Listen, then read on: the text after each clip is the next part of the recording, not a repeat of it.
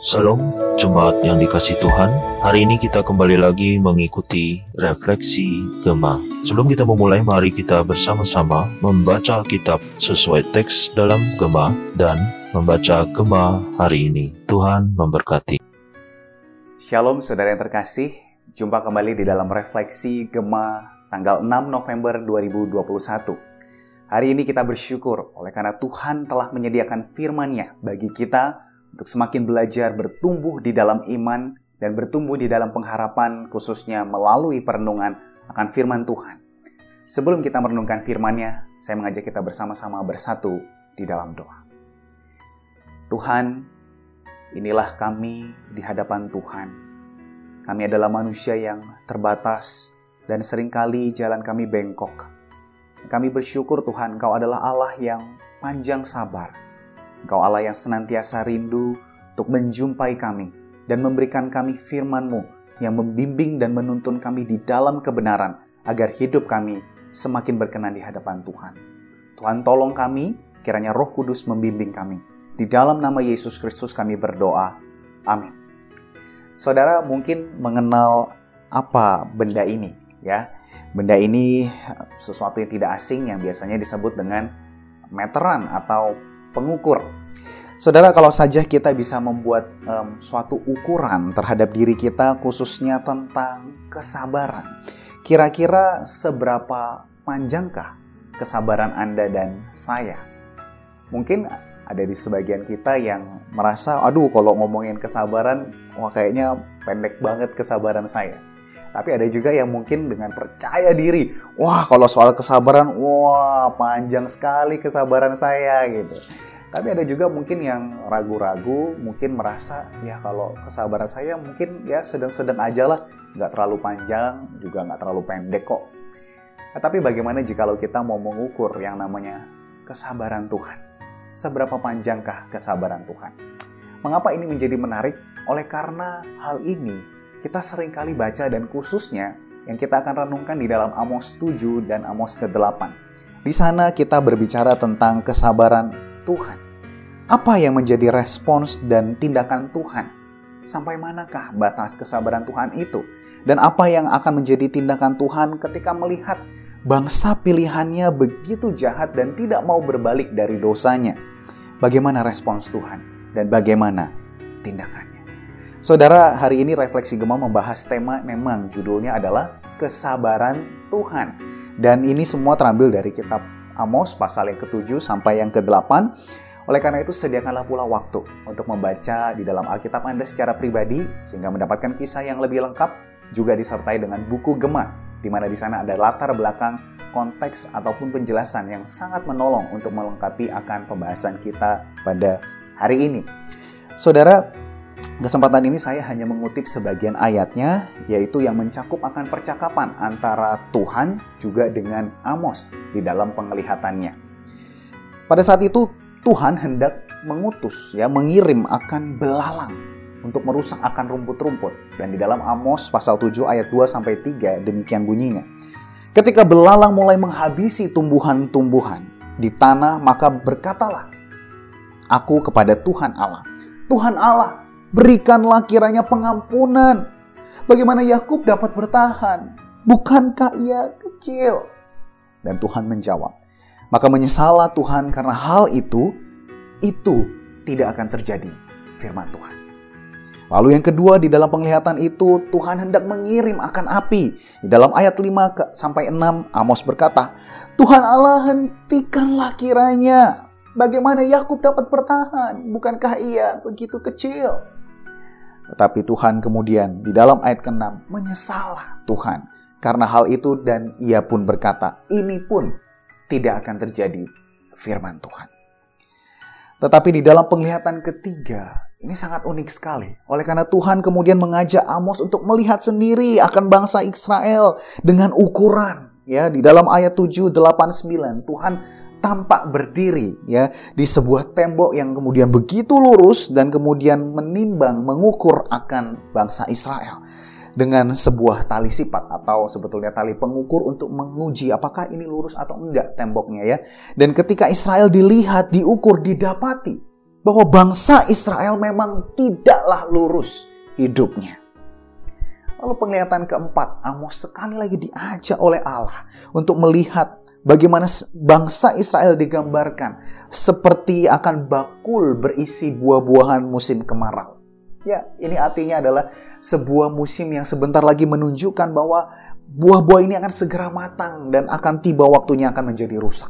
Dan ini menunjukkan bahwa penghukuman itu akan tiba pada waktunya. Saudara, melalui keempat penglihatan yang ada di pasal 7 dan pasal ke-8 ini, setidaknya kita sudah melihat bahwa ada dua sikap Tuhan dan tindakan bagaimana Tuhan Allah itu bersikap terhadap bangsa Israel yang sebetulnya Allah sendiri dia adalah uh, Allah yang sudah tahu bahwa bangsa Israel itu bengkok, dia tidak lurus. Dia sudah tahu bahwa kesudahannya akan dekat dan mereka akan menerima sebuah penghukuman yang tidak termaafkan lagi. Mereka memang layak untuk menerima penghukuman. Tetapi kok bisa-bisanya Tuhan kemudian diajak bernegosiasi dengan Amos sehingga dia bisa menjawab ketika Amos meminta Tuhan berikanlah pengampunan, Tuhan hentikanlah kiranya. Mana mungkin Yakub dapat bertahan bukan kayak begitu kecil? Kok bisa? Tuhan itu tiba-tiba berkata, itu tidak akan terjadi. Saudara, jika kita terima begitu saja, maka logika ini tampaknya tidak masuk dalam akal kita. Tetapi jika kita belajar semakin mengenal Tuhan, semakin tahu mengapa kedua hal yang tampaknya paradoks ini dapat berjalan beriringan, maka kita akan melihat bahwa ketika Tuhan menjawab, itu tidak akan terjadi. Dan seolah-olah Tuhan menyesal. Sebetulnya ini sedang menunjukkan akan curahan isi hati dari Allah. Itulah gambaran hati Allah yang tidak pernah dengan sukacita menghukum akan orang-orang yang dikasihinya. Saudara, di dalam khotbah eh, rekan saya, guru Injil Richard Noke, dia berkata, ada sebuah kutipan yang baik sekali, dia berkata, ketika Allah memilih, ia memilih karena ia mencintai orang yang dipilihnya. Dan ketika Tuhan telah memilih, maka ia tidak bisa tidak mencintai mereka yang telah dipilihnya. Maka saudara, hal yang tidak bisa bertentangan juga dengan kasih Allah adalah karakternya. Allah juga adalah uh, pribadi yang memiliki karakter yaitu kekudusan. Dan bagi bangsa pilihan yang telah jatuh dalam dosa sekalipun, mereka tetap berada di dalam penghukuman. Dan inilah kabar baiknya ketika kedua paradoks kasih dan keadilan dalam kekudusan Allah itu terjadi. Saya teringat di dalam sebuah kelas katekisasi selalu di bagian awal pendeta Emmanuel Cahyanto mengingatkan bagaimana kasih dan keadilan Allah ini berjumpa, bertemu melalui pengorbanan dari karya Tuhan Yesus Kristus. Sehingga saudara apa yang kita dengar hari ini melalui pernyataan Amos ini sesungguhnya adalah sebuah bukti dari kesabaran Tuhan. Meski tampak paradoks, Tuhan mengatakan itu tidak akan terjadi, tetapi itu pasti akan terjadi. Hal tersebut sebetulnya menunjukkan akan kesabaran Allah. Hal tersebut bukan dilaksanakan, ya keadilannya bukan dilaksanakan kemudian saat pembuangan. Itu hanyalah sebuah cicipan dari pembuangan yang paling mengerikan di muka bumi, bahkan di seluruh dunia dan di mana pun, yaitu ketika Bapa meninggalkan Tuhan Yesus di atas kayu salib, dan ketika ia berseru, Eli, Eli, lama tanya, Bapakku, Bapakku, mengapa engkau meninggalkan aku? Sehingga keadilan dan kekudusan Allah, murka yang harus diberikan atas hukuman manusia, itu telah diambil oleh Tuhan Yesus Kristus semua yang harusnya kita terima. Oleh karena kasih Allah, diletakkan kepada Tuhan Yesus Kristus di atas kayu salib.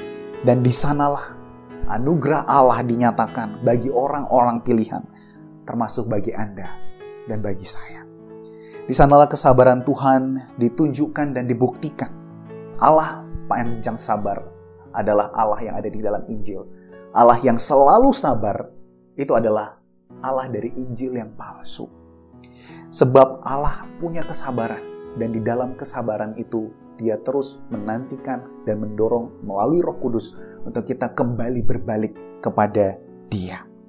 Nahum 1 ayat 2 sampai 3a berkata, Tuhan itu Allah yang cemburu dan pembalas. Tuhan itu pembalas dan penuh kehangatan amarah. Tuhan itu pembalas kepada para lawannya dan pendendam kepada para musuhnya. Tuhan itu panjang sabar dan besar kuasa, tetapi ia tidak sekali-kali membebaskan dari hukuman orang yang bersalah. Saudara, bagian yang kedua, kita belajar dan melihat di dalam uh, pasal yang ke-8 ayat 11 sampai ke-12 dikatakan sesungguhnya waktunya akan datang demikian firman Tuhan Allah aku akan mengirimkan kelaparan ke negeri ini bukan kelaparan akan makanan dan bukan kehausan akan air melainkan akan mendengarkan firman Tuhan mereka akan mengembara dari laut ke laut menjelajah dari utara ke timur untuk mencari firman Tuhan tetapi tidak mendapatnya. Sehingga di dalam kesabaran Tuhan yang saat ini masih diberikan kepada kita, marilah kita sama-sama jangan sampai mengalami suatu masa di mana seperti orang-orang kemudian menolak Tuhan Yesus dan mereka tidak mau mendengarnya. Marilah kita ketika firman masih disediakan kepada kita. Seperti yang penulis Gema ajak kita untuk renungkan bersama. Selagi kita masih menikmati kesabaran Tuhan, selagi masih ada kesempatan, bertobatlah jauhilah yang jahat dan lakukanlah yang baik. Dan saya menambahkan selagi firman Tuhan masih bisa kita temukan, marilah kita tidak hanya membacanya, marilah kita tidak hanya mendengarkannya, tetapi juga merenungkannya, mengimaninya, belajar untuk bertanya bagaimana kebenaran ini bisa menjadi bagian di dalam imanku pada hari ini. Kiranya kita senantiasa mencari, sebab di dalam anugerah Tuhan, mereka yang mencari pasti mendapatkannya. Amin. Mari kita berdoa. Tuhan kami bersyukur Engkau Allah yang bersedia untuk kami temui. Di dalam segala kegagalan kami ya Tuhan, Engkau Allah yang memiliki kesabaran. Tuhan kiranya kami semakin menghargai akan kesabaranmu itu dan tidak menyia-nyiakan akan kehidupan kami ini. Ajar kami untuk semakin responsif terhadap roh kudus sehingga kami rindu untuk digerakkan ke dalam segala hal dan perkara yang engkau rindukan. Untuk kami mendekat dan semakin indah di dalam uh, perkenanan Tuhan hidup kami ini. Terima kasih Bapa di dalam nama Yesus Kristus kami berdoa. Amin. Tuhan Yesus memberkati saudara.